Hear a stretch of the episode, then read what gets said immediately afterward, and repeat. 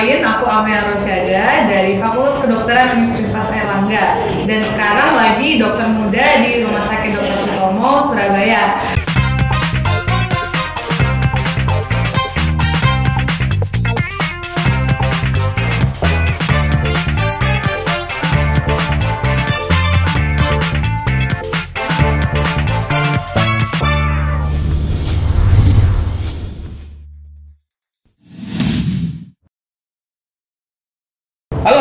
Balik lagi sama saya Dim Zaka Hidayat di acara kita Kamus Kampus di mana kita bakal membahas tentang jurusan-jurusan yang ada di perkuliahan bareng sama narasumber-narasumber yang super keren. Hari ini kita lagi ada di Loop Station Surabaya dan kita bakal membahas jurusan yang sangat-sangat populer. Yang katanya tuh jurusannya anak pinter atau jurusan idaman. Wah, Bareng sama narasumber kita, Kak Ocha. Hai oke Kak. kenalin dulu ya. Halo, kenalin nama aku Amrina Rosyada, bisa dipanggil Ocha dan aku dari Fakultas Kedokteran Universitas Erlangga angkatan 2013. Sekarang lagi dokter muda tahun kedua di Rumah Sakit Dr. Sutomo Surabaya. Salam kenal. Dokter muda Iya. dari UNER. Iya, itu kayak menantu idaman banget gitu. Waduh. ya kan? Jadi eh, sekarang aktivitasnya lagi dokter dokter jadi dokter muda. Dokter Mm-mm, muda benar, itu apa dokter kayak? muda. Jadi tahap jadi dokter tuh prosesnya cukup panjang ya. Hmm. Ya, jadi setelah kita lulus S1 tiga setengah tahun, eh, itu kita lanjut ke dokter muda. Dokter muda itu nanti durasinya 2 tahun sebelum akhirnya kita nanti bakal ada yang namanya tes kompetensi dokter muda Indonesia, dokter Indonesia. Terus nanti baru itu baru dibilang dokter. Jadi kayak semacam training gitu loh sebelum jadi dokter yang sebenarnya. Tapi berarti udah lulus si S1-nya ya? Udah, udah. S1-nya itu berapa Udah. lama? Kalau S1-nya itu tiga setengah tahun dan cepet. Jadi sistem S1-nya UNER itu, eh bukan UNER, kedokteran secara general dia tuh sistemnya seperti paket. Jadi kita nggak ngambil SKS bebas gitu, cuman kita kayak em, tahun pertama itu sudah sekian, tahun kedua Hmm. sekian gitu. Jadi pasti lulus kalau tepat waktu itu tiga setengah tahun. Kalau nggak tepat waktu berarti ngambilnya tiga setengah lagi. Bisa enggak, bisa Oke. molor. Jadi Oh. contoh kayak em, molornya itu bisa tiga bulan atau enam bulan. Oh, Jadi walaupun kita cuman ketinggalan satu eh, pelajaran aja yang eh, yang harus ngulang, tapi kalau misalnya kita perlu ngulang tuh bisa lama panjangnya soalnya sistemnya paket. paket.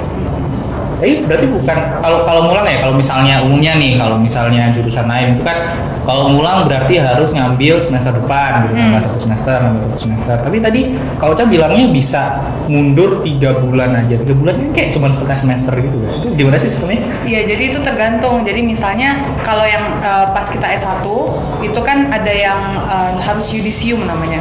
Jadi kita tiap naik kelas, naik kelas istilahnya itu harus yudisium.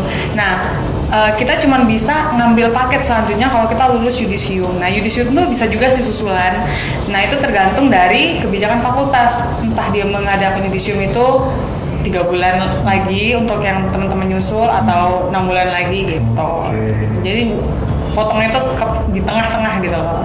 Jadi kayak gitu friends. Iya, betul Aku kayak gitu. bingung sih.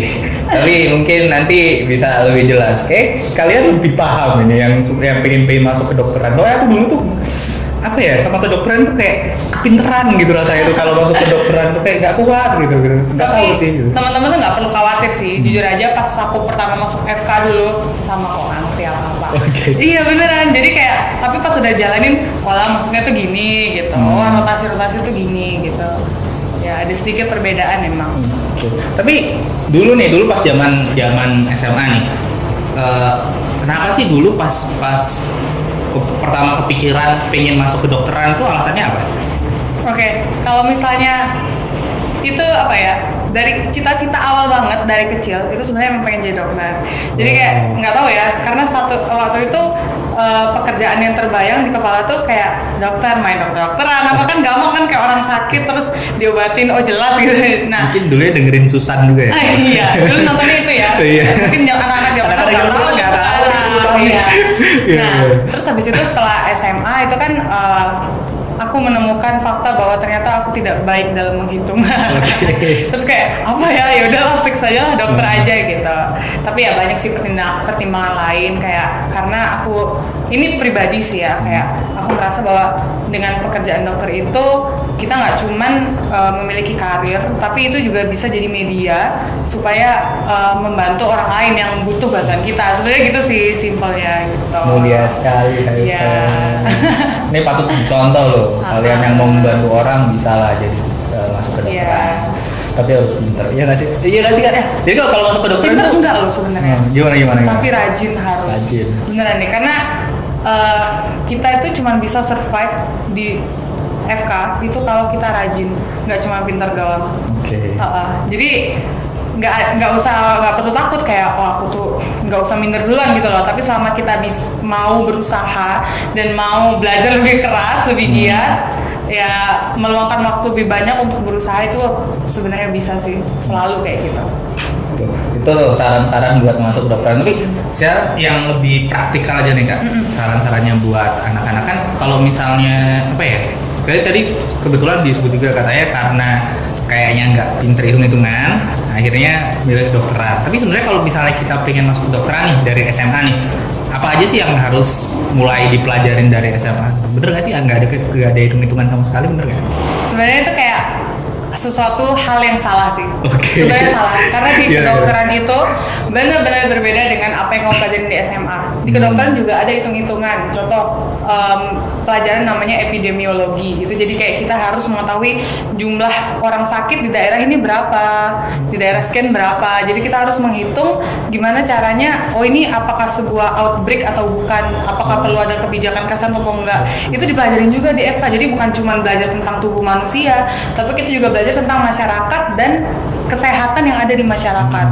Atau untuk mengubah pola hidup eh, masyarakat tentang kesehatan. Misal masih banyak orang yang buang sampah atau buang air besar buang air kecil di sungai gitu. Itu kan sesuatu yang sosial kan? Nah berarti kita juga belajar sosial itu di di kedokteran gitu. Atau hitung eh, kimia deh kimia. Kita ada kok namanya biokimia.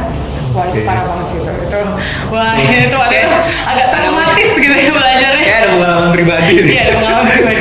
Nah, jadi sebenarnya apa sih yang harus dipersiapkan sebelum masuk ke kedokteran itu sebenarnya semuanya. Kita nggak bisa milih.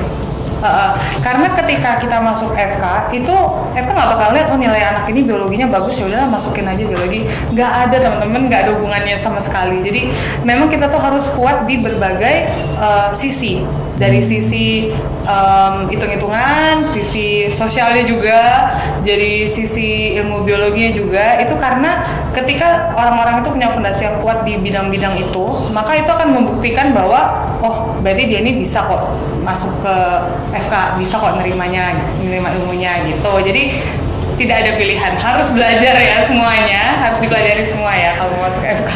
mulai dari ternyata tetap ada hitung-hitungan Ah, ah. terus bahkan eh, kalian juga jadi berjiwa sosial gitu Hmm, kan sosialnya juga ada. ya masuk-masuk ke masyarakat Ah, melihat apa gimana pola hidupnya masyarakat yang bagus kayak gitu Benar.